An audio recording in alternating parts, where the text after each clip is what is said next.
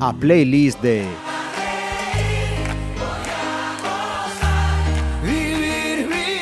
Isto comeza comeza moi ben. Hai transmites un bo rollismo, Xavier Olleros, tremendo.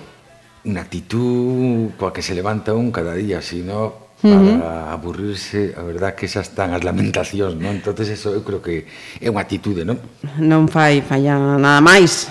Xavier Olleros, eh, cociñeiro, chef, restaurador, Eh, cociñeiro sempre e uh -huh. son militante desa palabra porque creo que nos eh, asenta ben os pés no, no chanque onde temos que estar e nunca perder esa, eh, o que para min representa a figura do cociñeiro, non de artesán e de prefiero sempre cociñeiro e xa non che digo como decimos no joroba, dicimos cociñeiro. Cociñeiro. pois eh, o cociñeiro eh, vencellado, o culler de pau, unha estrella Michelin e tiñemos unha, unha dúbida eh, estás entre os fundadores do Grupo 9 Non, no, eu son ah. máis novo. Mm. Eh, si, sí, os fundadores foron eh, Josiño, Pepe Vieira, eh, Miguel da Gabeira, Marcelo, foron nove xusto, uh -huh. fai creo que uns 13 anos, non me, Ajá. non me lembro exactamente da data, pero pero son unha xeración a cal eu admiro, e, e que para min é un luxo compartir pois eso, un colectivo e unha asociación que leva tanto tempo, o Grupo 9 de cociñeiros, con xente que levo seguindos desde que empezaban isto de cociñar. Eh, nos fomos dos últimos en chegar, ademais. Ajá. Sí, sí. Pois, dúbida mérito, resolta. Si nos quizás chegamos en ese momento máis doce da, da gastronomía, no? Uh -huh. polo boom que, que xerou ao redor do noso oficio, este boom eh, da figura Mediático do tamén. da gastronomía, mm. que vai un pouco cos tempos tamén, pero Ajá. pero nos foi un poquinho máis fácil todo. Ajá. Eu creo que mérito teñen eles de verdad, porque arrancaron unha asociación en épocas complicadas. Complicadas me refiro a unha Galicia conservadora, onde uh -huh. os cambios sempre costa, uh -huh. onde fai 13, 14 anos eh, dar un golpe en riba da mesa para propoñer outra cociña eh, rompendo barreiras, mostrando que tamén se pode cociñar en Galicia con ollos de modernidade, eso non é fácil, eh? os primeiros quizás eh, son os que eu debo agradecerllo e donde está o mérito yo, eu creo máis potente. Non? Uh -huh. Antes de, de entrar a coñecer a, a, a Xavier, eh, a música que, que parte eh, ten na túa vida?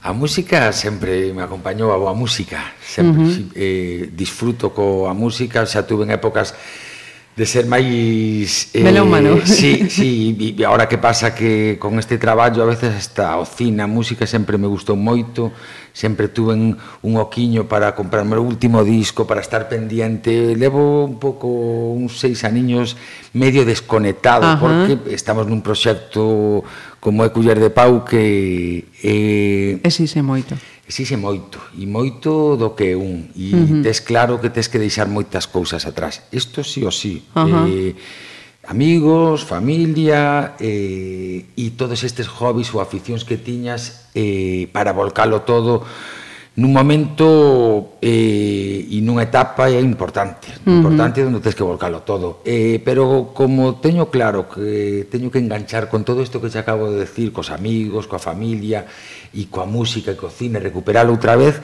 eh, por eso tampouco me descolguei de todo. Uh -huh. Pero, pero sí eh, teño recordo de de reflexionar sobre como te influi o teu traballo, un traballo onde absorbe moito e onde tes que poñer moito de ti, eh, sabes que vas a deixar cousas de Cousa. lado, entonces uh -huh. ou tratas de asumilo con normalidade, con naturalidade, pero sobre todo eh contándolle a quen lle quitas todo ese tempo para que o entendan eh, a partir de aí despois a medida que pois eso, isto se vai estabilizando e as pezas do puzzle se van colocando onde, uh -huh. onde teñen que, que poñerse tamén notas que xa vas como desafogando un poquinho e vas pois eso eh, eh, digo che cos tres, catro primeiros anos a música que escoitaba, vou che dicir, sobre todo o primeiro e o segundo ano, un disco de Rammstein que era metalero uh -huh. porque eh, dormía tres horas e media o primeiro ano de traballo e non máis eh, necesitaba ir desperto ao mercado sí. todos os días ao mercado con rigor ás 8 da mañán E iba tan dormido a veces no coche que rescatei este este disco, este disco. aí como moi eh, cañeiro, eh, cañeiro sí, sí. para espabilar. Ajá. E iso foi o recordo que teño nos tres primeiros anos de de Culler, de Culler e de e da miña relación coa música. Mira, eh, imos coa primeira, entón, antes de, de ir ao, ao nacemento de, de Xavier. Duns amigos, non? Contame. Sí, nadadora.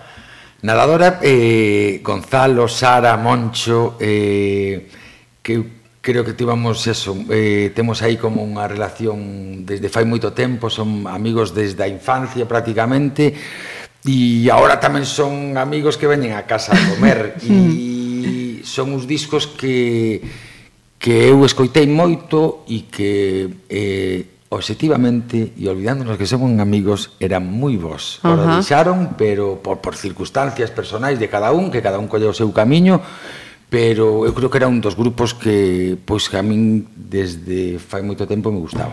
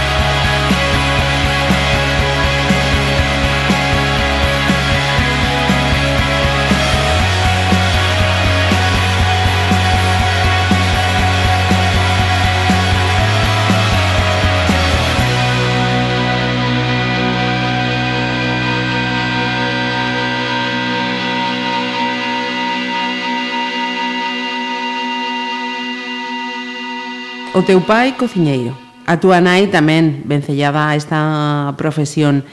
Eh, Lin, eh, que naceras en Suiza, porque sí. tivo, tivo que emigrar. Que, que lembras? Atacando foi esa, esa etapa en Suiza? Eh, non teño moitos recordos, eh? Uh eh, -huh. eu estive, non teño moitos recordos de, de, de, da miña etapa eh, eh, de neno en Suiza. Si teño flashes uh -huh. e si sei o que eu estive hasta os tres anos.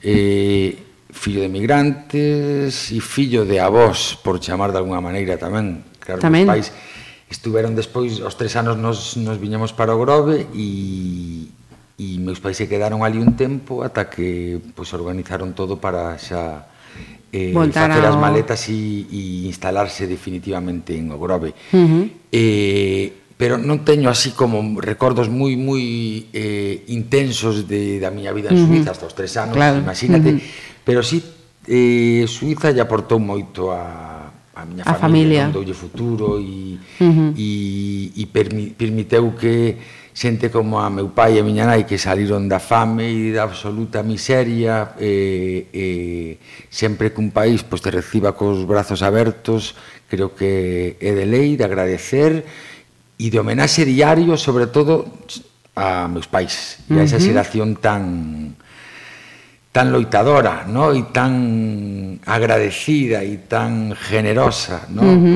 con, con sempre pensando nos demais. Meu pai saleu dunha aldea, disculpa, sí, sí. saleu dunha aldea remota de Ourense con 15 anos, orfo de orfo de pais, con unha irmán de 4 anos e con uns tíos que eh, nun contexto de miseria eh, lle dixeron Pepe, tens que irte a Suiza eh, a única, a única referencia que tiña meu pai era un billete de tren eh, e que en Suiza había traballo. E cose tivo un neno de 15 anos de tiña que ir a Suiza a ganar cartiños para pagar as deudas dos pais e para que a irmán que tiña 4 anos e non a metera nun convento lle tiña que dar futuro.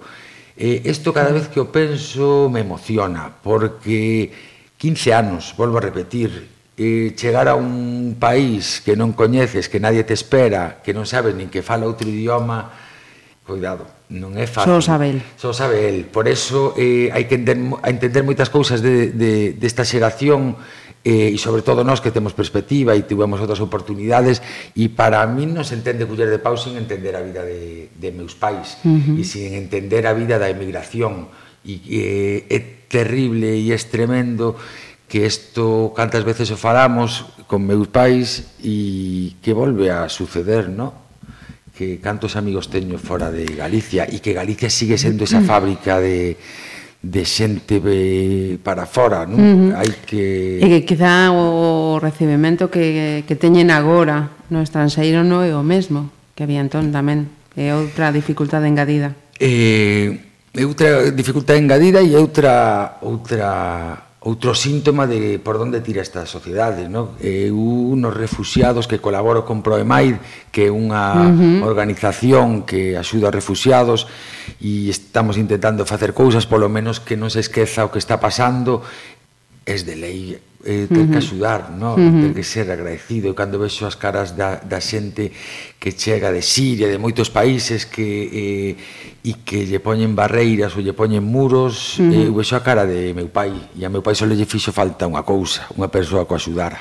Uh -huh. E iso creo que é de humanidade, que creo sí. que cada vez se nos está escapando, sí. escapando máis este valor. Non? Sen dúbida. Mira, eh, decías que o teu pai era de Ourense, a túa nai? Sí, a miña nai do Grove. Ah, do Grove, entón aí claro. está sí, sí, a, a vinculación, pero decía sí. yo, por que voltar ao Grove? Sí, Perfecto, o sea, que era... conoceronse en Suiza, traballando xuntos, uh -huh. miña nai era camarera, meu pai era eh, cociñeiro, e as do Grove teñen moita forza. dixo, tú ves para o Grove, sí ou sí, e así eh, fixeron así a súa vida. Pero curiosamente tamén te das conta, eu creo que a emigración eh, para un ser humano das cousas como saliron meus pais uh eh, -huh. eh, e das cousas máis terribles que lle poden pasar a un ser humano no que te desprendan de das túas raíces das túas raíces de la manada por chamar uh -huh. de alguna forma eh, eh, desa maneira para eh, creo que é algo que te acompaña toda a vida por eso meu pai que estuvo hasta os 15 anos en Suiza eh, e despois a mi eh, dende, dende os 15 anos. Sí, eh, eh, perdón, sí. eh, e despois estuvo toda a vida no Grove prácticamente, pero sempre tuvo moi presente na nosa casa sempre se falou de Ourense. Vamos á aldea de, de meu pai casi cada ano. Uh -huh. E sempre sempre tengo recordo de Ourense como parte del que non se pode esquecer, non? Uh -huh. Moi moi vivo o ten. Uh -huh. Eh, facemos outra paradeña, Xavier. Sí. Veña. Entón imos con Radiohead. Radiohead, sí, grupo eh, tampouco teño preferidos, eu creo que a Ajá. música ao final eh, son momentos, no E momentos e etapas e ao que sí me gusta é a boa música ou polo menos é a que a que disfruto, uh -huh. pero Radiohead é de los que está sempre. Uh -huh. Sempre, sempre un grupo que me gusta desde desde fai moito tempo, creo que evolucionou tamén dunha forma eh, eh, diferente a outros grupos e creo que pasará Pues. Pero para min a historia. A historia. Eh, no surprise por algún motivo en especial ou podía ser claro, outra? Podía ser outra, sí, sí, uh -huh. sí.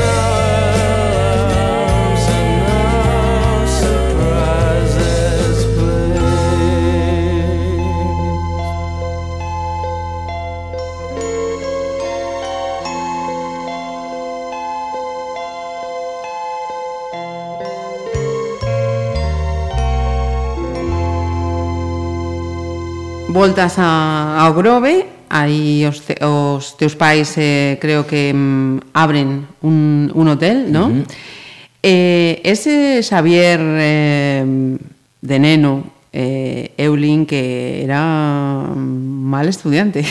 que pasaba aí? No, si fora mal estudiante solo, pero era un un gamberro sí. tremendo. Sí, sí, eso había que preguntar yo a miña boa e a meus pais, uh -huh. porque os fixen de todos os colores eh, unha etapa da vida que mira, tampouco teño porque destas cousas que a veces dis ah, non aproveitín o tempo, non aproveitín outras cousas que Ajá. me aportaron certas cousas en unhas estou orgulloso e en outras non mm. pero sí que son eu, eso uh -huh. teño claro sempre fun como se di isto, un cu de mal asento un cu inquieto un inquieto e, e creo que eh, fui un esclavo do temario na escola, entonces eh, se a mí me decían por un lado iba por outro. Ajá. Eh, a partir de aí sempre buscando como Uh -huh. como liarla un poquito uh -huh. eh, en esa fase de eso, de, de, de gamberro e estudiante maduras antes ou despois eh, es un proceso uh -huh. vital que non todo o mundo é igual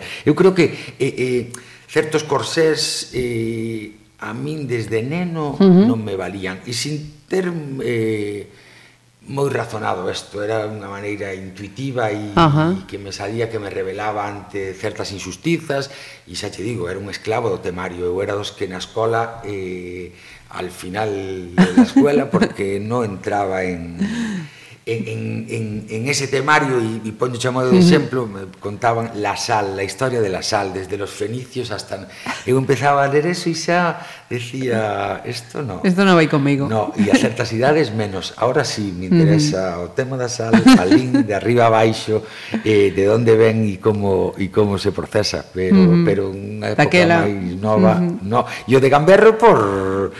Pues porque me gustaba buscar, e ahora me gusta buscar de outra forma produtos e artesanos mm. maravillosos que traballan con nós, pero de neno me gustaba buscar como uh -huh. armarla. Mira, eh, oye, olleros o primeiro apelido e o segundo? Rodríguez. Rodríguez. Sí. Eh, hai que facer xustiza tamén as sí. nais. Eh, na familia entón dos olleros Rodríguez, eh, había máis irmás ou eres sí. fillo único? No, teño un irmán, Jorge. Sí? Sí, sí, sí. Maior Jorge, ou máis pequeno? Eh, maior, levame ano e medio. Un eh, irmán que adoro, que uh -huh. adoro e que compartimos. Somos o día e noite, curiosamente. Sí, sí bah, temos o mismo esqueleto aí, formado polos valores da nosa familia, dos pais, que sí o notamos. Pero despois el... Eh, estudiante, fixo dereito, uh -huh. matriculado honor, eh, na escola, no, no bachillerato tamén matriculado honor, eh, unha persoa moi capaz, moi inteligente e cunha capacidade brutal de aprendizaxe, de absorber información e de, eu recordo que eh, cando ele estaba estudiando Dereito que me collía o libro de Dereito Romano eh, que creo que eras estas dos máis complicados e eu abrí o libro e lle preguntaba, abrí o libro así aleatorio Ajá. Eh, e, e lle preguntaba o encabezado do, do texto na páxina que abría e me empezaba a contar lo que ponía era eu o sea, unha cabeciña unha cabeciña maravillosa, uh -huh. sí, e que compartimos agora moitas cousas, el está no hotel levando hotel eh de meus pais, hotel Ajá. Atlántico e eh, nos complementamos moi ben. Eu o necesito por, por a moitas cousas e uh -huh. el tira de min para, para outras e é maravilloso. O sea, que eh, finalmente a profesión eh, atrapou os dos irmáns. Sí, Uh -huh. Unha profesión que te vai... Ajá. Sí, no sangue. E, e, e por que o que sabes facer? E porque ao final ves que, que te atrapa con pasión. Uh -huh. E iso é impagable hai coñecemento, hai eh, eh, pois hai certas rutinas que xa controlas de, desde novo, uh -huh. entonces estaba todo máis fácil. Eh, da etapa de, de estudiante en Santiago na Escola Pública de, de Hostelería, que lembras? Mm. Outra, unha etapa eh, tamén medio, Espera. medio caótica. Antes de entrar nesa etapa sí. medio caótica, sí. imos con outra selección entón. Vale. Eh, los Pixies. Os Pixies, grupo cañero Cañero de referencia Igual que Radiohead eh, Estará sempre na miña playlist E, e cando vou de viaxe Un dos grupos que levo sempre Pixies uh -huh. Rock Aí Stop. que ainda siguen dando guerra E e, e feliz, feliz uh -huh. cos, cos Pixies, un grupo que me influye e que me gusta moito. Where's my mind? Where's my mind, sí, a por ella.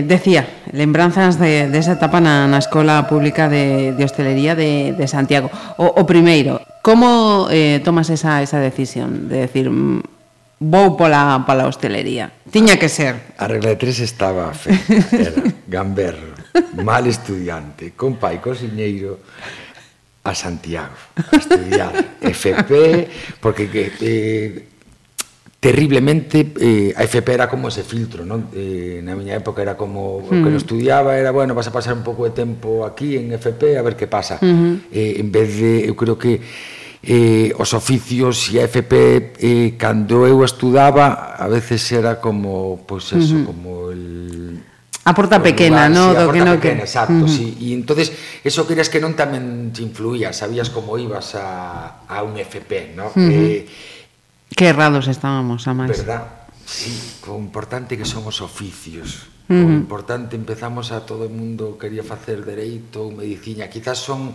complexos de pues como non sei daquela sociedade que aínda aínda arrastramos, eh, que penso. Aínda arrastramos, sí, uh -huh. pero pensas na xeración que veu detrás e que querían teus pais, uh -huh. vían futuro, non lle podes sí, sí. Eh, en oficios ou profesións que Sí, a universidade que, parece universidade que era, era Dios, un sí. exacto. Uh -huh. Pero eh, quizás eso, se sean complexos de de da herencia que tiñamos, non? Uh -huh. Por eso me fui para Santiago, para un internado, meus pais decían, eh, tú te vas para un internado en Santiago con 15 anos. E o recordo con moito cariño, eh, cunha sensación de convivir con un caos eh, diario e con eh, dar explicacións casi cada día de por que facía as cousas que facía. Estaba castigado casi cada día era unha de verdade me expulsaron do internado. No conto con orgullo, eh, foi unha etapa e unha realidade. Despois aquí o título, vale? Uh eh, -huh. Para que non se eh, nadie se vaya a quedar solo con la parte gamberra. Eh, gamberra. Eh, botaron o internado o primeiro ano, eh, o segundo ano nos botaron do a meu, a min e meu compañeiro Javi Villa, que do Grove, que cociñeiro tamén, que empezamos xuntos en Santiago, e creo que nos botaron do comedor, foi de verdad tripitín segundo de feste, non iba a clase en dous meses, una, uh -huh. espero que meu fillo non este escoitando isto.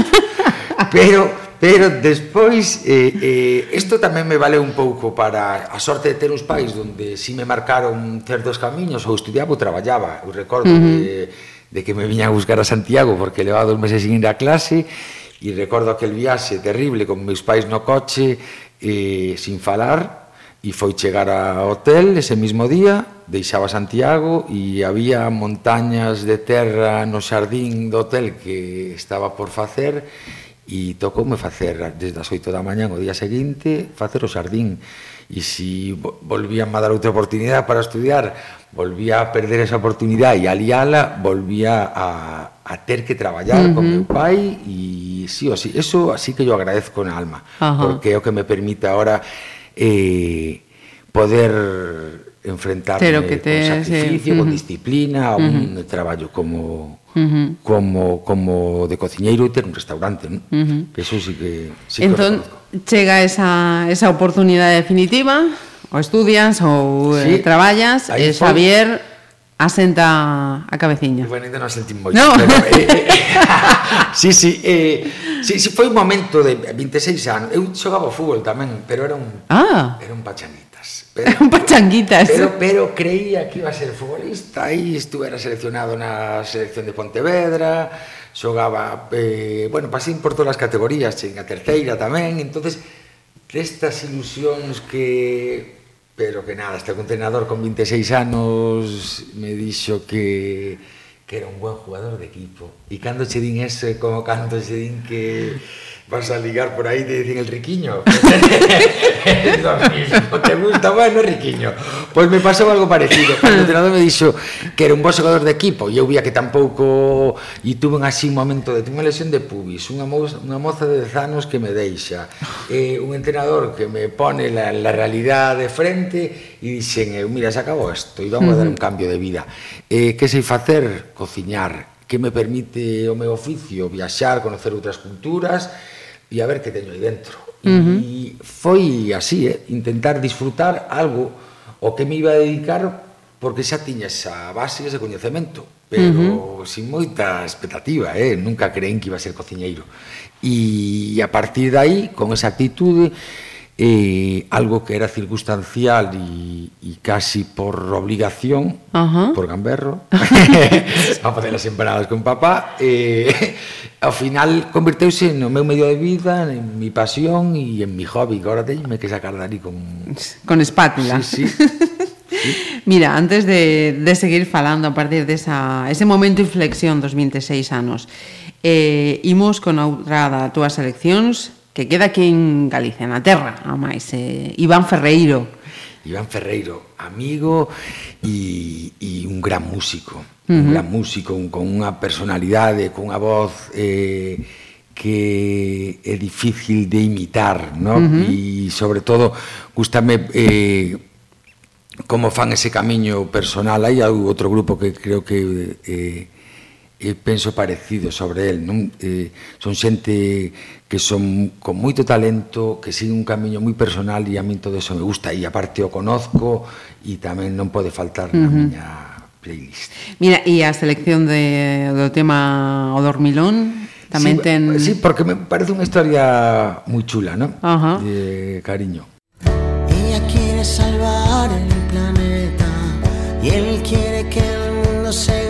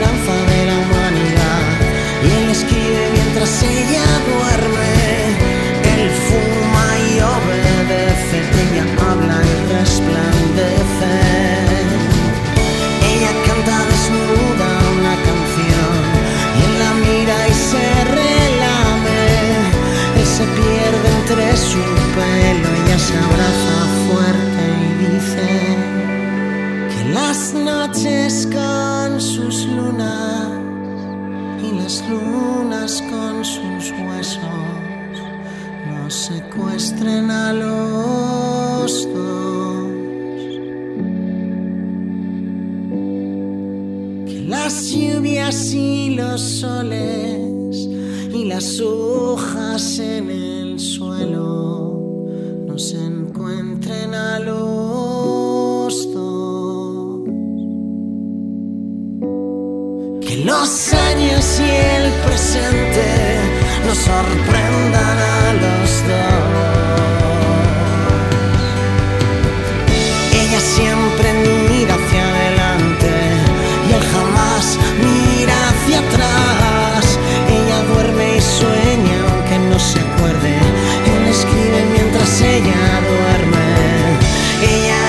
esperar.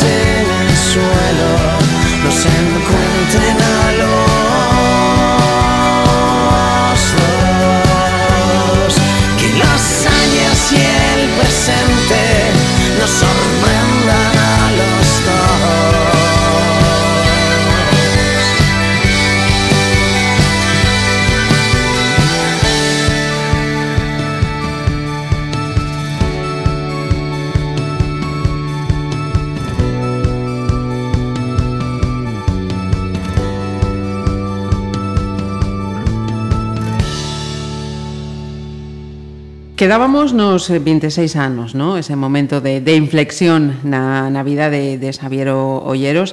Eh, e vin tamén que mm, estiveras facendo eh, stagers, que aprendí... Prácticas. Eh, efectivamente. Estancias. Eh, estancias, sí. vale. Onde eh, eh, debatíamos eh, como definimos eh, campamentos, eh, prácticas, becarios, estancias. Eu chamo de estancias, uh -huh. ou estancias ou prácticas. Uh eh, -huh. Eu estuve en cerca de 13 anos ou ou. E eu traballaba oito meses no hotel e despois, despois dese momento revelador de que 26 este anos teño que enfiar... É o camiño. O cociñeiro, a ver que pasaba, non sabía se era o camiño, non vía nada ao final, pero... E, eh, combinaba o que era o traballo no hotel durante oito meses e despois catro meses durante 12, 13 anos estuven facendo prácticas en restaurantes donde uh -huh. me interesaban. Empecé por Galicia primeiro e despois viaxei un pouquiño. E, e foi eh, a miña universidade. Eh, eso lo teño clarísimo. E eu iba a restaurantes donde petaban a porta e decía, por favor, deixadesme traballar aquí gratis e, e, mm. e con toda a miña pasión que, que vou poñer aí eh, no día a día e estive en restaurantes moi chulos que me aportaron moitas cousas. Aí coñece, coñeces a nomes eh, de moitos dos, dos grandes da restauración galega, española e internacional, no? En sí, Tokio tamén. Sí, sí, por aí anduvemos. Como foi o, sí, de, sí. o de Tokio? Un viaxe con Taka, que é un compañeiro e unha das persoas importantes que fan posible o soño de Culler de Pau, que eh, nos conocemos en Martín, en Martín Berasategui traballando e un día díxome que quería traballar comigo e así empezou o proxecto Culler de Pau. Eu xa lle dixen que estaba intentando facer un, un restaurante e el se veo a traballar con, con nós en este proxecto de Culler de Pau. E que mellor acompañante para ir a Xapón, un país que te influe, un país que te apasiona a nivel gastronómico e máis, uh -huh. pero e nos fomos para para Tokio. Un viaxe uh -huh. gastronómico, un viaxe onde pudemos entrar na cociña de Seiji Yamamoto, eh, un viaxe apasionante. Uh -huh. eh, non hai máis que escoitar como fala, para ver que, que efectivamente tivo que ser así. Eu vou facer un, uno de, dos eh, descubrimentos desta playlist Sempre descubro algo con cada, cada invitado. E hoxe eh, vai ser Silvia Pérez. Silvia Pérez, eu foi tamén un descubrimento, non de, eh, de fai eh, foi na gala dos Goya, mira tú, porque lle deron creo que o Goya a mellor canción e arrancou ali a sacar unha, unha eh, canción tan chula, con tanto fondo, con tanto sentimiento, con tanta alma que dice, ¿quién es esta Silvia Pérez? e a canción que elixín eh, Non hai tanto pan. Non hai tanto pan. E ten unha carga aí moi potente de solidaridade e sobre todo eh, trata de dar voz a xente que a veces lle costa no? Como son os desahuciados e fala con unha claridade de un sen, sin sentido co que vivimos non de tantas casas baldeiras e xente sin casa, non? Uh -huh. E iso é tremendo, o fogar, unha vivenda. E, e me gustou tanto que me quedou grabada aí en el corazón. Hay un gallo que llora y que grita, despierta, despierta, despierta, despierta, prudente, que esto duele, te arrasa, te mata, te irrita, qué suerte la tuya tan cruda y maldita. Reza de día, de noche y no almuerza. Se cree mala madre y también mala hija. ¿Dónde está la suerte, la mía, poquita? Alguien se lo da y después se lo quita y no hay tanto pan, pan, pan, tanto pan, pan, pan. No hay tanto pan, pan, pan, no hay tanto pan, pan, pan. Unos son grandes y otros valientes, unos traicionan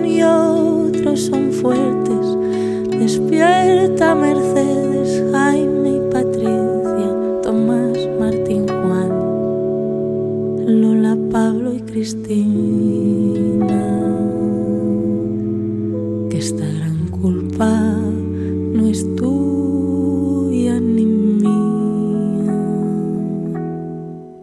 Mentiras, sonrisas y amapolas, discursos, periódicos, banqueros y trileros, canciones, manos y pistolas, bolsos, confeti y puteros te roban y te gritan.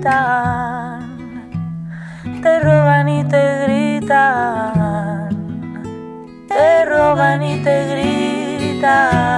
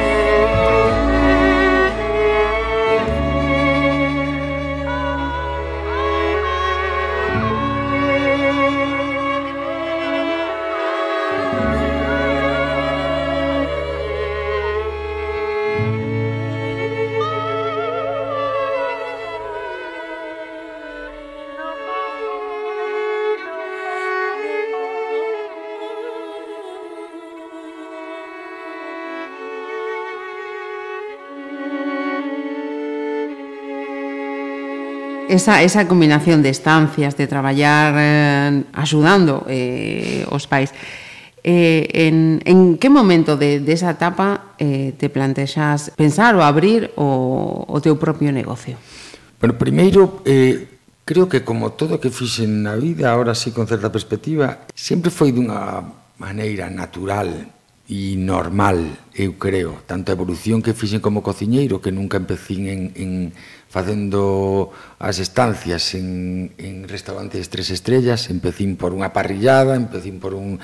E despois fixen pois, un, un gran hotel, estuve no, no, na, na cociña corte inglés, estuve en unha estrella, en dos estrellas, en tres estrellas, antes en un catering, pero creo que por certos complexos de, da miña xuventude uh -huh. nunca creía que iba a poder empezar por lo máis grande. E ahora eso me axudou pois a ter esa esa evolución natural. Uh -huh. E creo que o de montar un restaurante cando alguén que sempre todos os mensaxes que eu recibía dentro da escola, en parte eran normales a veces dos profesores, de moitos, de meus pais, de que iba a ser un desastre, que con ese rumbo de vida non iba a chegar a ningún lado. Todos os mensaxes que eu recibía eran tan negativos, eh, negativos e sin expectativas de futuro que isto me creo un certo complexo tamén. Uh -huh. Bien ganado, eh? pero eh, eh, nunca pensin en ter un restaurante tampouco, uh -huh. nin máis lonxe do dos, dos meus soños e, e foi tamén pois a medida que iba tendo coñecemento e seguridade no meu oficio e víame valorado en outros sitios e dixen eu pois a mellor tampouco uh -huh. mal e a medida que, que tú vas disfrutando e a sorte que tuve é que eu sabía onde me metía. Uh -huh. Eu veño da hostelería de, desde pequeniño e sei o que representa unha microempresa de hostelería en un pobo como Grove, que é de esfuerzo diario e de estar, de constancia, de perseverar e de estar todo o día no restaurante. Uh -huh. Non hai outra fórmula. Sí, sí. No desos departamentos aí definidos e todo estructurado dunha maneira que que te fai respirar un, respirar un pouco. Sabía onde me metía e pois quizás eso, esa suma de coñecemento e de seguridade fun pois despexando inseguridades e complexos e un día dixen eh, igual monto un restaurante e como un é o que pensa e valo pensando non o vas dicindo porque tes medo que se te agarren a la palabra e despois xa non escapatoria pero hasta que empecín a decilo uh hasta que empecín a notar ese cosquilleo de que xa estou metido.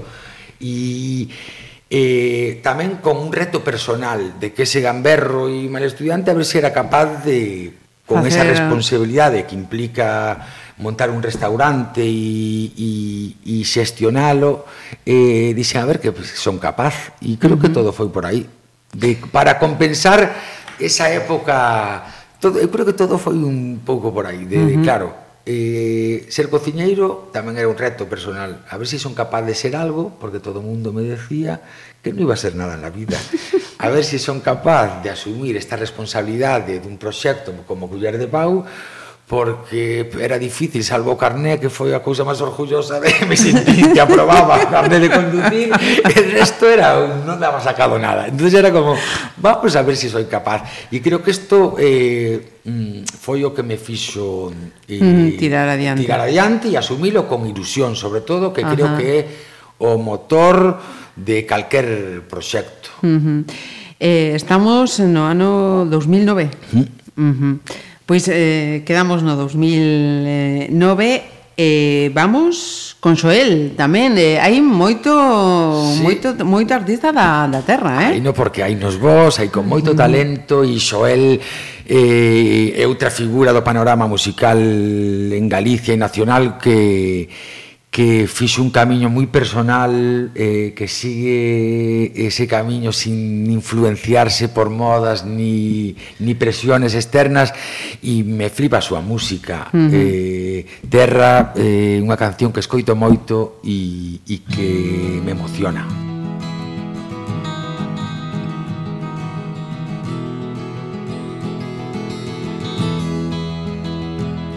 Yo soñaba cada día poder alcanzar la playa y ahora está tan cerca, casi ya la puedo leer y espero cada vez más próximo al final. Ya puedo sentir tierra seca tras la arena mojada y no me da la gana de pensar que nada es para siempre si esta canción se acaba. Que acabe el mundo para todos, todos somos nada. Sin las palabras dime que nos queda.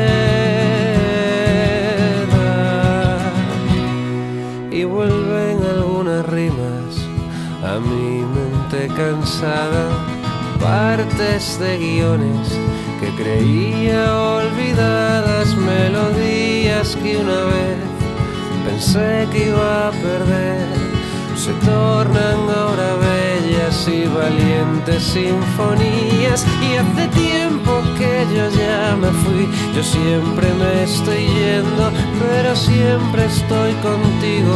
Aunque a veces piensas que no hay nada cuando me quedo mirando, como si estuviera ausentes porque estoy viajando. No pienses que voy a perderme.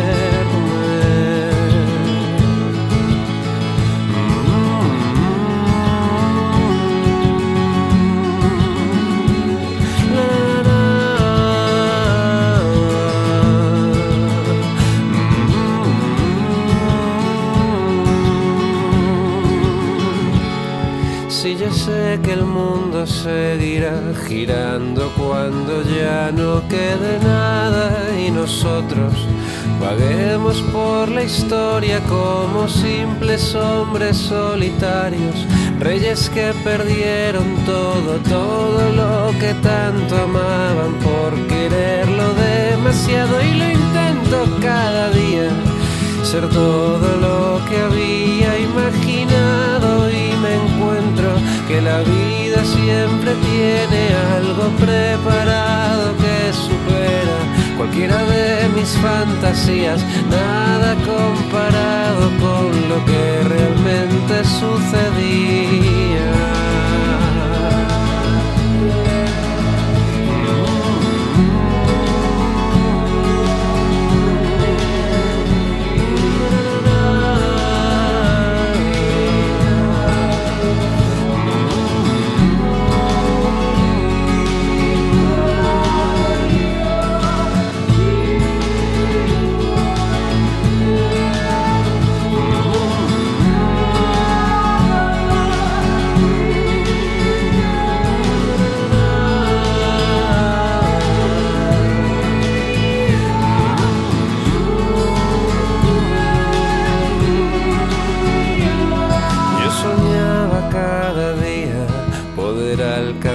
La playa.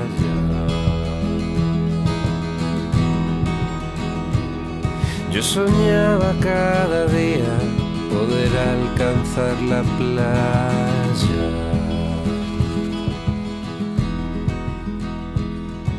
Eh, 2009. Em, Pepe, o teu pai, e a túa nai, Isabel, Isabel. Sí. Que dixeron Isabel e Pepe cando Xavier di "Mm, voy a abrir un restaurante. restaurante.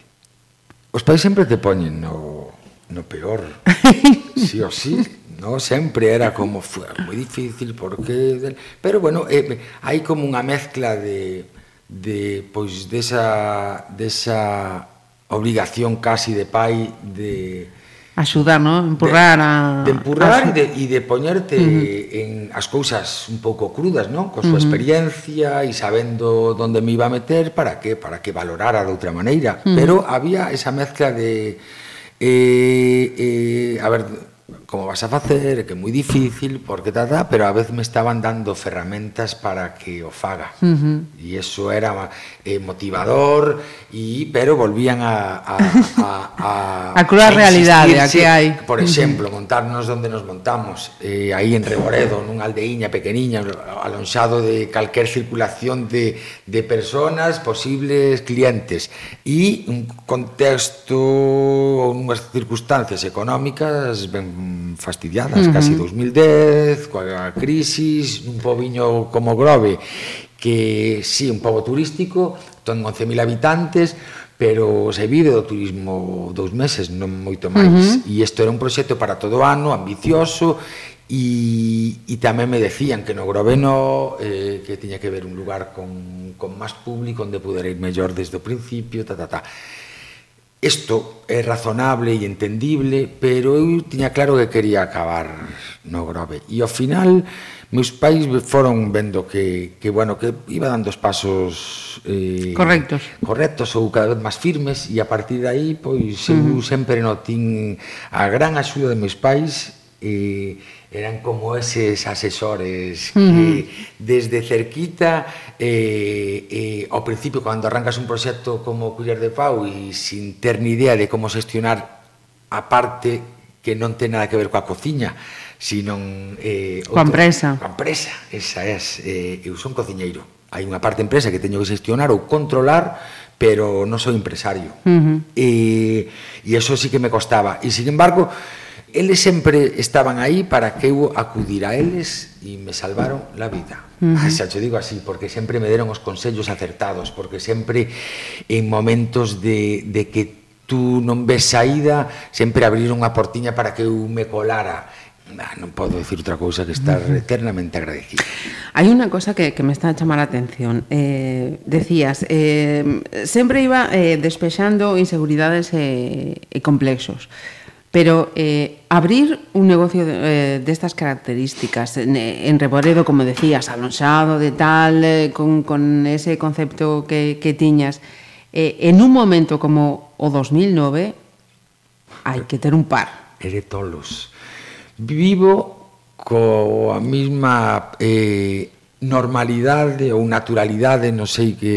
Eh, que o meu proceso vital de cociñeiro, de moitas cousas. E había unha parte media inconsciente, pero había unha parte moi potente que era a ilusión. Eu creo que es el, el la especial gas, gasolina o especial motor que te fai pois enfrentarte a calquer proxecto. Eu si tiña, estaba cheo de ilusión, eso tiña clarísimo.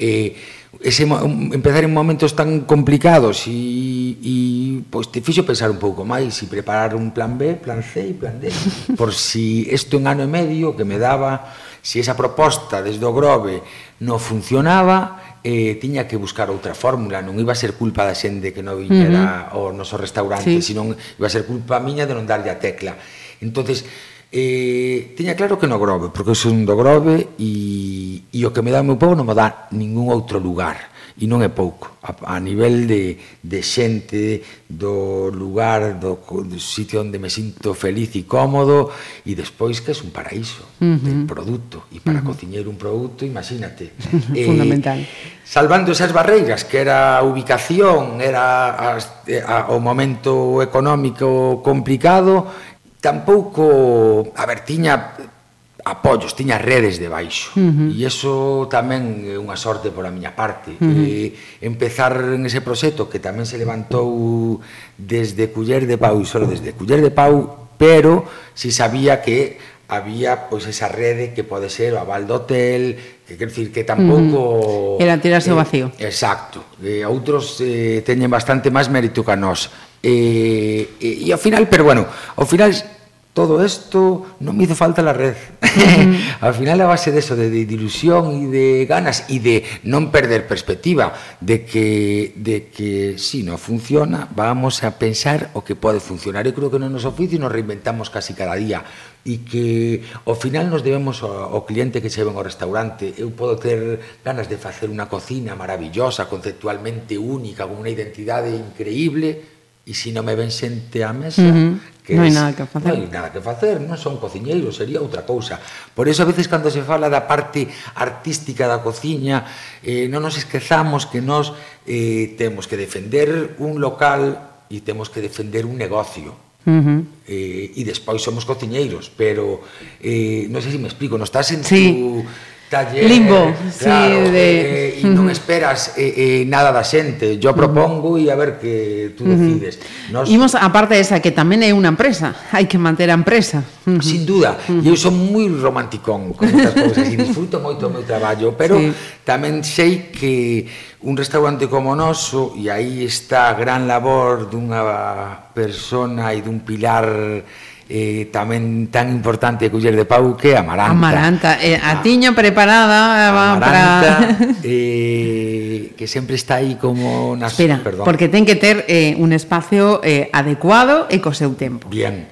Imos facer vale. outra parada e falamos de amaranta, que a máis é a primeira vez que escoitaba o nome preparando esta entrevista Sí. Precioso, sí, sí, precioso. Sí, 100 eh, años de soledad, é o nome. Pois antes de falar de Amaranta, eh, imos a falar de Malandrómeda. Sí, Descubrei no, descubrí no fai nada, fai un aniño tamén. Uh -huh. eh, gracias a Alex, un amigo que teño en, en Vigo, que me mandou así, porque ao estar tan desconectado, uh -huh. teño amigos que de vez en cando lle digo, por favor, que hai por aí interesante para escoitar, e como ahora viaxa moito, e... Uh -huh sempre me gusta levar algo novo e, eh, e, e Melandrómeda eh, Melandrómeda foi como estes grupos digo, isto está en Galicia rap, electrónica, con uh -huh. moita forza moi cañeira e sobre todo uh -huh. en galego que parece uh -huh. que non se pode facer música en galego pois eh, me fliparon desde o minuto 1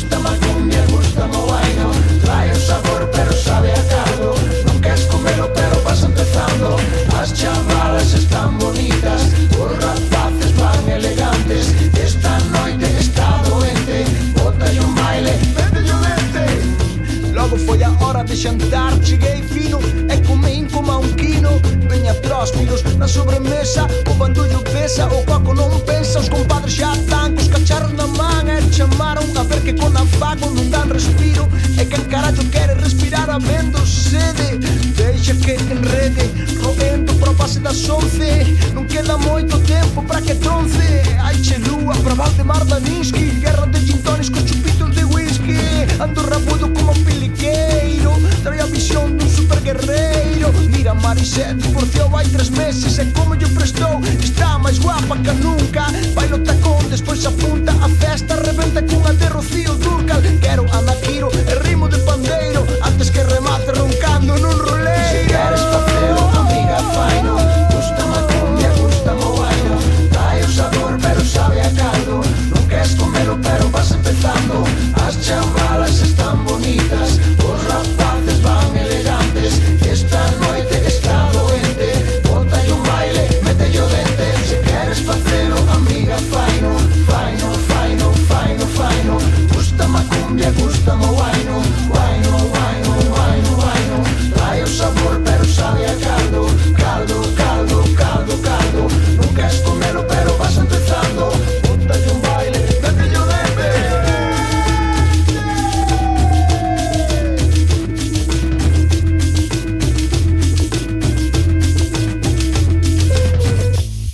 Imos si agora con Amaranta. Como cando chega a vida de Cando Xavier chega, Olleros? chega, sí. eh, como un anxiño que se pousa na túa vida e y es la que más mérito tiene y que me emociona falar dela, de verdad, eh? porque a veces eso eu, son o que eh, a figura donde el culler de pau parece que Javier Olleros es el chef y que maneja todo uh -huh. y, eh, hai unha parte non importante, sino eu quizás eh, lle daría un 60% da importancia que ten no restaurante eh, o traballo de Amaranta. Uh -huh. Primeiro porque é unha persona que que está disposta a aprender de todo. Alguén que viña de unha oficina na administración dunha empresa a meterse na maravillosa tolería que é Culler de Pau eh, xa ten mérito. Un que eu conozco a hostelería desde novo eh, ela, de feito que eh, foi así. Xa compartíamos eh, eh, éramos parella desde facía 4 ou 5 anos e eh, eu nunca te dixen que quería que viñera para o restaurante ao contrario eu decíalle e como meus pais era un chantaje emocional en el porque eh, eh, porque eu sei que o duro que é o difícil que é desde fora sí. non ten nada que ver cando tú ves a realidade desde dentro non? e tiña claro que tiña que decidir ela uh -huh. desexaba que se viñera conmigo para o proxecto pero eh, nunca... Tiña que ser un paso que, eso, que de, e de feito dixera que, ela. Sí, sí, e de feito sempre decía que no. Uh -huh. E o razonaba con que ela tiña o seu espacio, que a veces era é mellor no, non, non estar aí, vivimos uh -huh. arriba, compartir o traballo, todas estas cousas. E volvo a repetir, desexaba que se viñera con, conmigo para, para culler de pau. E ao final, como todo, eh, arrancamos moi en precario, éramos dous en cociña e unha sala, es así como empezou culler de pau, e unha persoa na limpeza e, e facían falta moitas mans. E a Maranta viña do seu traballo eh, de, uh -huh. pola semana e empezou a, a axudar hasta que quedou atrapada. Pechamos a porta e non pudo sair e, pero ten, fai un traballo de, de, ten, é como sempre o, o, o trato de representar como como que a soltaron na selva e con taparrabos. Que eu viña xa desde 11 anos, desde os 11 anos en cociñas, estuve uh -huh. en moitas cociñas, taca igual, eh, que é un grandísimo cociñeiro, xa viñamos formados, sabíamos o que queríamos, non empezamos eh, en unha taberniña. Uh -huh empezamos en algo xa con pretensións e que todo o mundo que entraba tiña que adaptarse un poquinho a, a o que, estaba, a, o que estábamos pues. facendo e o que eh, queríamos facer e non foi fácil eh, eh, enfrentarse á sala e non é a sala, a sala as contas uh -huh. a parte eh, económica que un pode querer comprar moitas cousas pero se non hai alguén que que te equilibre uh -huh. que, e que che faga ver, ver como eh, están as cousas e, e con toda uh -huh. a confianza de ser parella de, sí, sí. de foron duros os primeiros anos porque eh, non era fácil eh, Nos conocíamos en outro plano, que uh -huh. na vida personal, na casa, salindo por aí, compartindo moitas cousas, pero non nun traballo onde o meu rol é diferente e onde uh -huh. non se pode mezclar a o vida personal, personal. Uh -huh. e ao contrario, e a primeira fase dela era de aprendizaxe en algo que non coñecía, non é que vienes de jefa. Uh -huh. E a min conocíame arriba, a cociña saca o mellor e o peor de min. Uh -huh. E o peor é que en momentos de tensión hai un tono que no te reconocen e ese tono me sale con Amaranta como con outra persoa que traballe con uh -huh. nós e que é diferente, non é que se xa un eh, eh, que tú abuses, pero que te reconocen con, con, pues, con outra forma de, uh -huh. de ser, non? E que eso provoca a cociña e non foi fácil ao principio. Tivemos que falar moito, eh, xestionar todo isto foi un aprendizaxe personal e maravilloso a nivel parella tamén, porque eu si tiña claro que calquer cousa que afectara en a, relación. a vida personal, uh -huh. eu adoro a Maranta e non eh, eh, estaba moi pendiente desto, como estou moi pendiente no que me pode influir o meu traballo, uh -huh. eh, del ego e todas estas cousas. Entonces, eh, eh, con isto tamén non tiña claro e discutíamos, e había eh, cambio de opinión e de repente sempre había que buscar ese momentiño para sentarse e para falar, uh -huh. a clave de todo. Uh -huh. e, a veces hai que respirar un poquinho, non falar no momento, e dar a buscar ese momento de uh -huh. de calma onde un está de pouso xa para reflexionar e ver que pasou e ver que pasou e iso nos levou a entendernos a coñecernos moito e a querernos máis, uh -huh. porque porque ahora compartimos un proxecto vital que é esculler de pau, pero insisto, Amaranta ten non sale eh, e non está tan exposta e non se recoñece a figura da Amaranta tanto, pero eh, é vital o traballo que, que fai Amaranta uh -huh. por detrás, vital. Amaranta é do Grove? Sí. Todo está vencellado. Todo está, Grove. Grove un paraíso. Mira, eh, imos agora entón con Love of Lesbian, sí. toca. Uh -huh. Tamén grupo poetas maravillosos que eh, o último disco e esta eh, esta canción El poeta Halley me parece tamén moi chula, acaba con con uns versos aí, creo que son de Serrat, se si non me confundo, uh -huh. eh, tamén eh, maravillosos, moi chulos para escoitar e para disfrutar. Música Me atraparás al vuelo y nunca la pared. Y si me dejas aire en tus líneas dormiré. Palabras de una musa de baja maternal.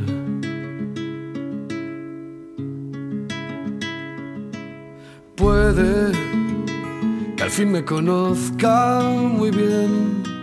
Si fueran puntos grises mis rarezas, cada tara que cree de seguirlos con un lápiz, al final verías mi cara en el papel. Por eso estoy por aquí otra vez, rebuscando en mi almacén esa palabra, cónsul de mi timidez. Ojalá encuentre la forma, más me vale, tengo un tema que acabar. Si no aparece nunca, o entiendo que no di con la palabra justa, y cuando al fin la encuentro llega aquel mar de dudas. Si cuando me decido tú me detienes siempre Me aprietas justo aquí, dices no, mi leal traidora inspiración.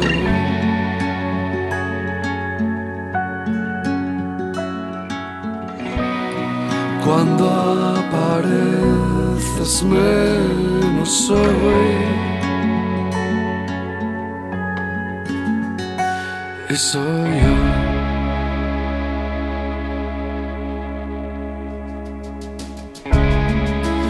Quedarás dormida, menuda novedad. Es peor mi genocidio cuando no te dejo hablar. En la autopista de la vida, si te saltas la salida, hay que esperar. Puede que no haya aprendido a aceptar que escuadrones de moral judío-cristiana con su culpabilidad nos seguirán por tierra, por el aire y sobre todo por amar. Puede que esté demorando la acción. A los doce tuve un sueño en que ganaba, pero el sueño me venció. Desde entonces mis derrotas son las huellas del carnet de ese tal yo. Ahora escúchame, y he encontrado la palabra justa. Mejor prepárate, tiene algo que a todos asusta. Sí, la voy a soltar, la quiero soltar. Pronunciar esperanza la gritaré por dentro si es lo que hace falta. La escribiré mil veces, me alejaré de espaldas. Quizás de repetirla algo me quede. No puedo permitir tu negación, mi leal traidora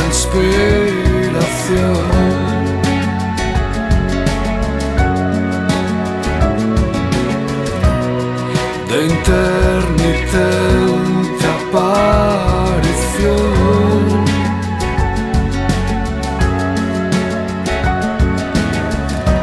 Como un ángel hallado en un ascensor.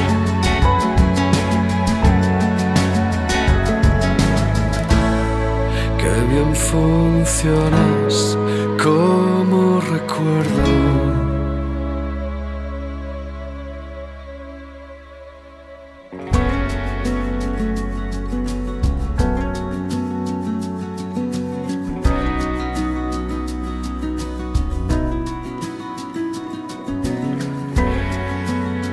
Acojo en mi hogar palabras que he encontrado abandonadas en mi palabrera.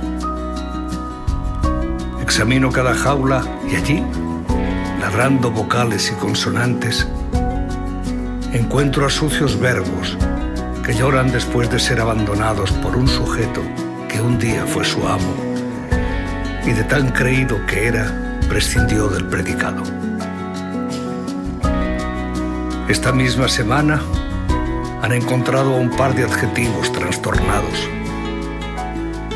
a tres adverbios muertos de frío y a otros tantos de la raza pronombre que sueñan en sus jaulas con ser la sombra de un niño. Señalo entonces a las palabras que llevan más días abandonadas y me las llevo a casa. Las vacuno de la rabia y las peino a mi manera, como si fueran hijas únicas, porque en verdad todas son únicas. Acto seguido y antes de integrarlas en un parvulario de relatos o canciones, les doy un beso de tinta y les digo que si quieres ganarte el respeto, nunca hay que olvidarse los acentos en el patio. A veces les pongo a mis palabras diéresis de colores imitando diademas, y yo solo observo cómo juegan en el patio de un poema. Casi siempre te abandonan demasiado pronto. Y las escuchas en bocas ajenas y te alegras y te enojas contigo mismo como con todo lo que amamos con cierto egoísmo. Y uno se queda en casa, inerte y algo vacío, acariciando aquel vocablo mudo llamado silencio, siempre fiel, siempre contigo. Pero todo es ley de vida. Como un día me dijo el poeta Halley, si las palabras se atraen, que se unan entre ellas y a brillar, que son dos sílabas. Mira, eh, non preguntei, eh, Culler de Pau, por qué? Sí, Culler de Pau por... Porque dentro desa lista de 300 nombres que tiña, que nunca me convencía nada, que eh, eu sempre iba, pois, amigos, familia, donde podía soltar nomes, a ver cal gustaba, eh, o contaba. E un día, da forma máis casual, María, unha amiga, eh, comendo un restaurante, xurdeu o nome de Culler de Pau. Cuchara de palo, porque estamos tan castellanizados que... Eh, e digo, hostia, a ver, a traducción tiña clarísimo que tiña que ser un nome en galego. Uh -huh. eh, eh, e saleu Culler de Pau e me parece moi chulo, moi chulo porque volvo ás dudas que xeneraba o momento que montou que montamos Culler de Pau. Eh, Claro, un restaurante modernito. O edificio xa estaba, uh -huh. 20 e pico anos aí, eh, un cuadrado moderno, líneas blancas, todo moi limpito, cristalera, eh, materiales, todo como moi minimal porque a calidez a temos no Fora. fora No ese espazo. cadro que cambia Ujú. cada día e donde o entorno para nós é vital. Eh, pero, decía un, a xente non nos vai a entrar aquí, no, moderno, tal, isto, uh -huh. a mirar así un pouquiño. Mira que no sé si es una estupidez o no, pero fue como Culler de Pau, me conectaba as cociñas de o tradicional. Vida, o tradicional, a pois eso, a unha homenaxe ás cociñas da casa de de de pois de de cantas nais uh -huh. non temos nós aí ese arquivito de sabores gracias a elas e aparte nunca se reconoceu ou nunca se reconoce todo ese traballo, pero foi sobre todo para conectar co público quizás máis conservador ou que eh, ou que mm, o rechazar un pouco ese esa liña así tan uh -huh. moderna e ese sí. concepto tan moderno. Eh uh -huh e ao final dixen, pois pues, veña, misturar o nome co lugar. Sí, exacto. Uh -huh. E foi por eses medos ao final foi como e al final quedou moi chulo. Uh -huh. Non gustaba nadie. Eh? Sí? Que lo digo. Oh? Sí, non sei sé por qué. Dices, o tiñas pues, aí no, pero, o, palpito pálpito de que... Sí, e despois este outro, que canto menos gustaba, máis me gustaba a mí. a rebeldía de naturaleza. A rebeldía de naturaleza, sí, sí, claro.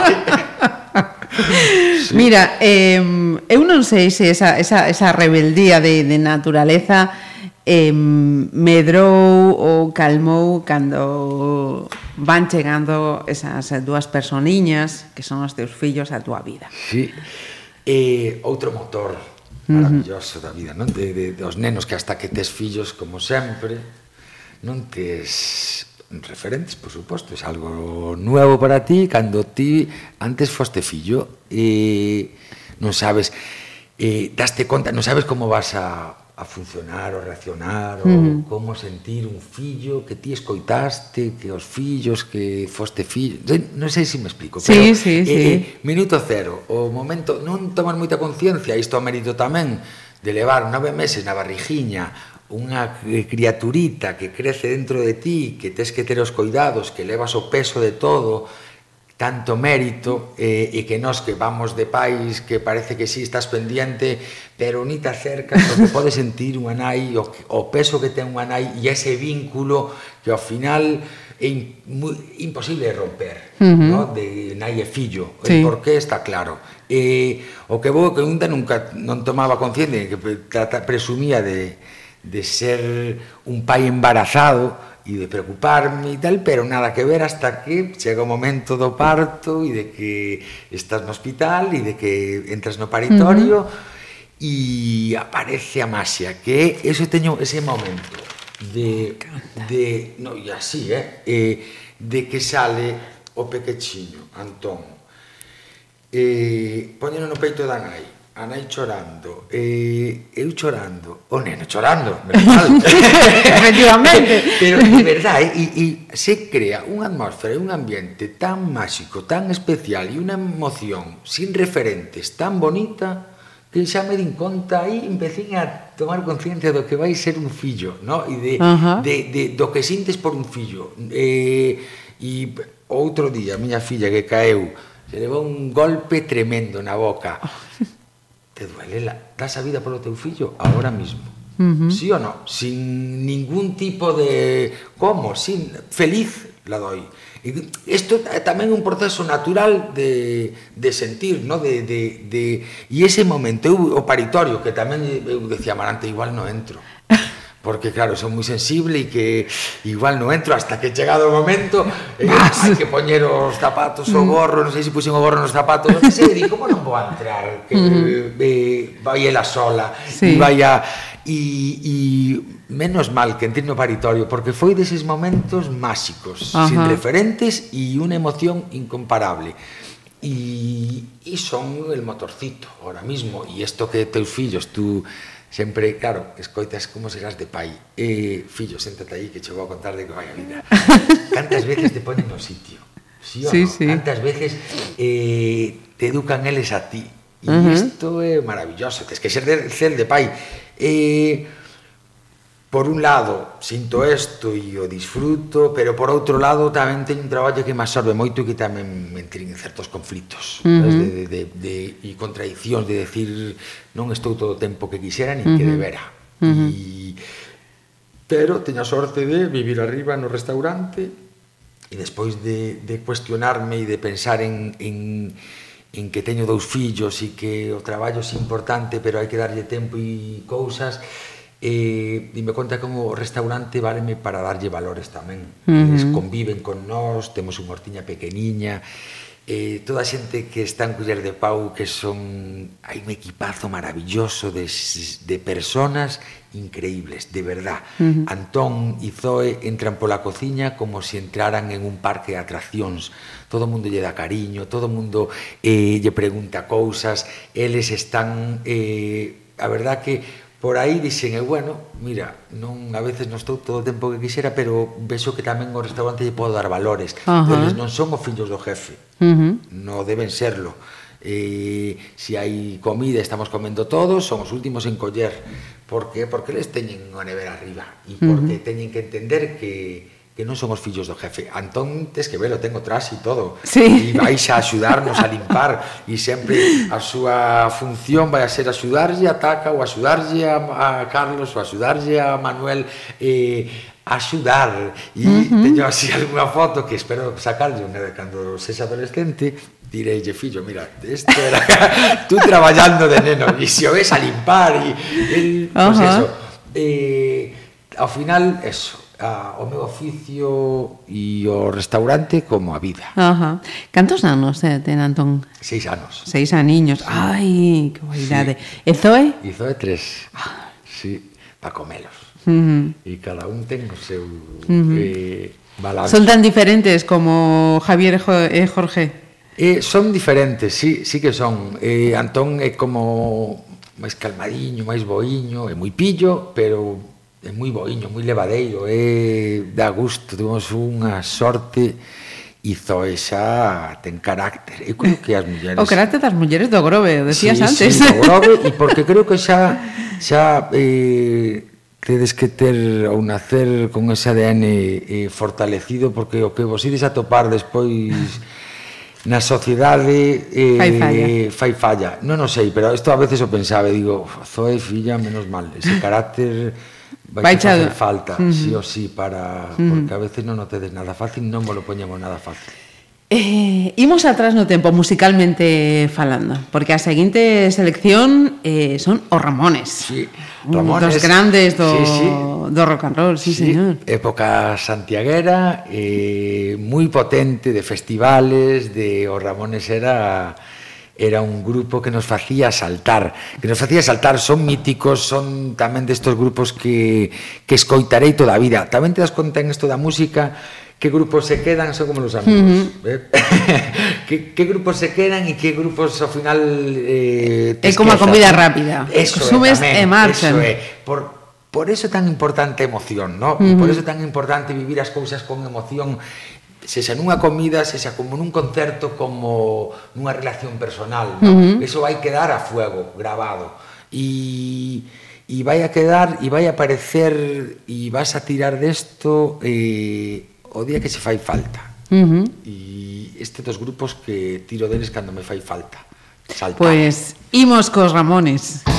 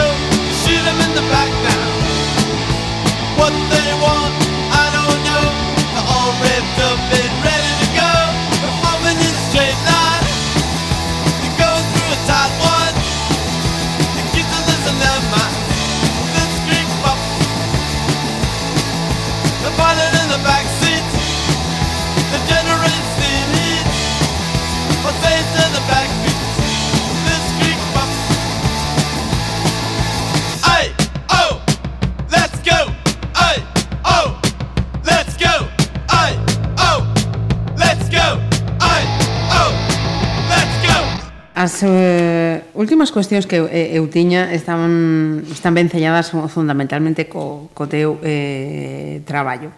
Eh, vou eliminar alguna porque se non estamos aquí tres horas eh, prepárate, falando a máis. Sí, sí. Mira, eh, le, lendo cousas de ti, eh, hai unha cosa que, que chamoume a atención. Eh, eu quería saber se ti estás de acordo ou non. Sí. Dice, eh, o seu traballo eh, se suma ao neovegetarianismo? Eh, a cara xa esa sí, resposta. Sí. A, a ver, esto, todos son etiquetas que eh, valen para, para eso, enriba do papel e para uh -huh. poder presentarte. Sí, sí, eh, sí temos un punto de diferenciación en Culler de Pau. Eh, eu creo, sí, que nos apasionan as verduras, nos apasiona o, o vegetal. Eh, Pero eu creo que hai aí como un binomio que convive maravillosamente, que, que ven dado tamén da ubicación do restaurante. Temos a ría 200, a ría da Arousa, uh -huh. maravillosa, 200 metros a 200 metros do restaurante. E despois estamos no rural, isto é o grove, así de potente. A, o mar cerquita, pero o rural, o campo, as hortas, o monte, eh, é o que abraza o restaurante. Uh -huh o mar levo polas venas e o mundo vegetal eh, me está influindo dunha maneira moi positiva, estou descubrindo un mundo apasionante. E, e hai esa mezcla de moito mar e moito vegetal. E sí, sí, cada vez máis nos gusta o mundo vegetal. Neo vegetania. Eh, eso, eso. Esto, sí, sí, sí, sí pode, sí pode mm. ter un punto en Galicia como como algo novedoso, ¿no? Uh -huh. Algo novedoso, un restaurante que empeza a priorizar eh a utilización de verduras eh, na súa carta. Uh mm-hmm. -huh. Eu creo que eso sí. Eh, mira, eh, contame a historia do guisante lágrima. Sí, sí, que estamos en temporada. O guisante lágrima colaboro, traballo, son amigo de Santi eh, Pérez que de la finca Los Cuervos caen en Teo, que curiosamente unha relación que eh, el empezaba co a súa horta ecolóxica e eu empezaba co restaurante. Nos puxeron en contacto, eu levaba tres meses, el tres meses, e Claro, eu sabía que eh, o mundo vegetal me gustaba e quería colarme por aí, pero tiña un descoñecemento tremendo. Non, uh -huh. O mar si o tiña máis manexado, pero os vegetais eh, necesitaba aprender deles. E a sorte de toparme cunha persona como Santi, que empezando proxectos eh, eh, eh, moi parecidos cada un, e cada un no seu, no, no seu tempo eh, empezamos a falar moito sobre produtos, el contábame da terra, contaba do que buscábamos os cociñeiros e fomos ao CSIC, a misión biolóxica que hai en Pontevedra, uh -huh.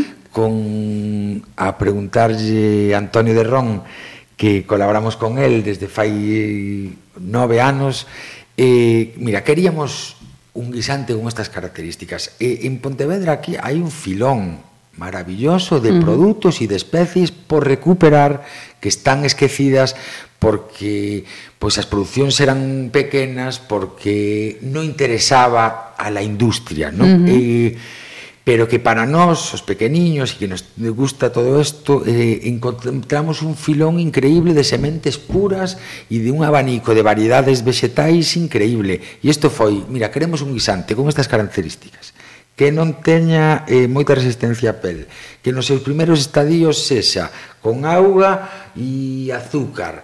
Eh, vale, colleu un librito de leguminosas e dixo, a ver, cerca de 300 variedades e, e lle dou a Santi cinco sementes e desas cinco sementes saíron tres que se adaptaran a estas características que nos queremos uh -huh. e é eh, primeiro é como o noso a, a semilliña que plantamos a hora de recuperar especies esquecidas e que tiñamos aquí ao ladiño, en Pontevedra, uh -huh. eh, e nos abreu un campo increíble de poder acudir ao CSIC, de buscar produtos increíbles, é moi estacional eh, está durante un mes non máis ten a dificultade de, de que ese estadio é moi concreto, entonces se lle pasan dúas horas despois de, de si non recolles con esa agüita e ese azúcar, xa no. se empeza a xerar eh, almidón, uh -huh. xa se convirte nun guisante como máis fariñento, no? Uh -huh. E iso que non queremos. Entón, iso ten un traballo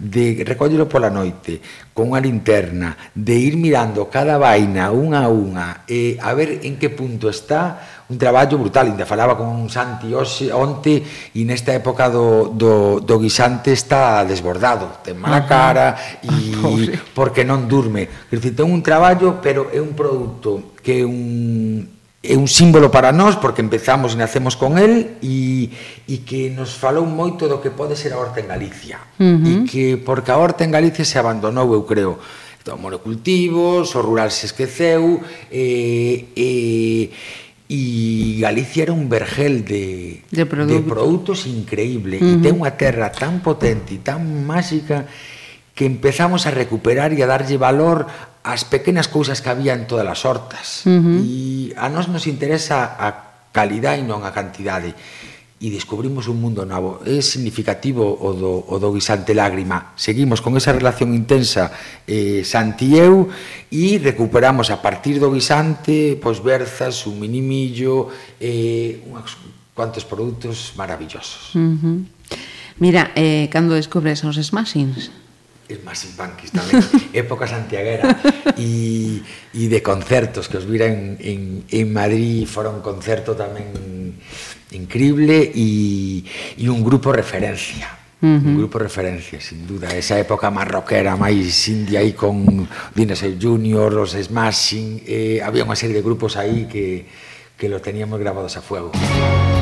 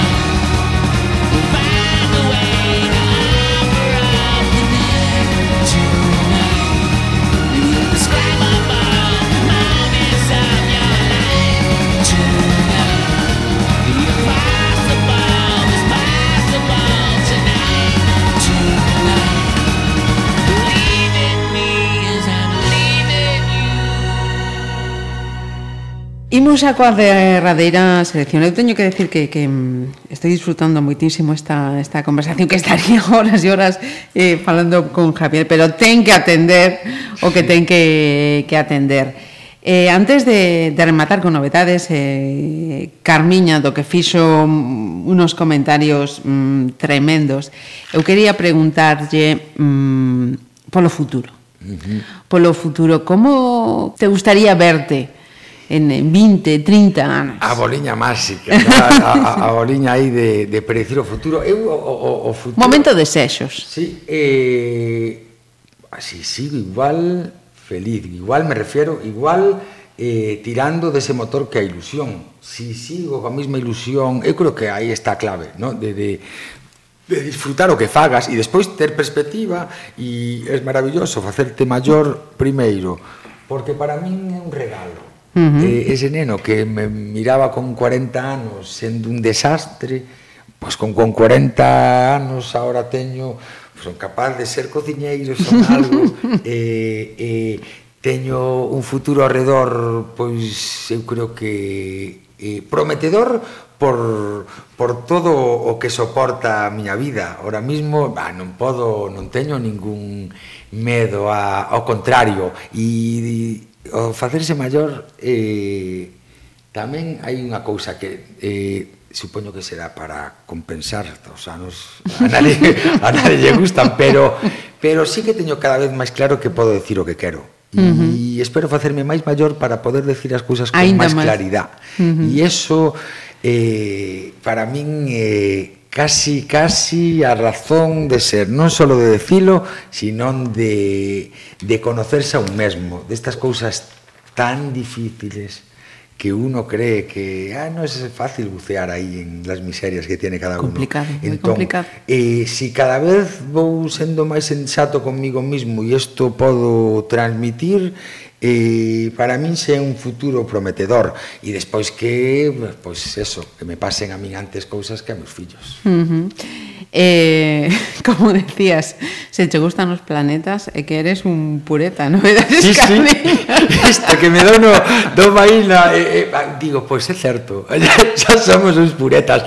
Me gusta novedades Carmiña, teño relación co, co cantante tamén que colaboramos aí coa moza que te, que dibuxa moi ben e moi chulo nunha especie de cómic donde donde tamén facían algo de cociña e gustame a irreverencia, gustame eh, que, que grupos así eh, pois falen con claridade. Con claridade, sí, sí, como con, sí, o que no momento, como... pureta. Eso é, eso é.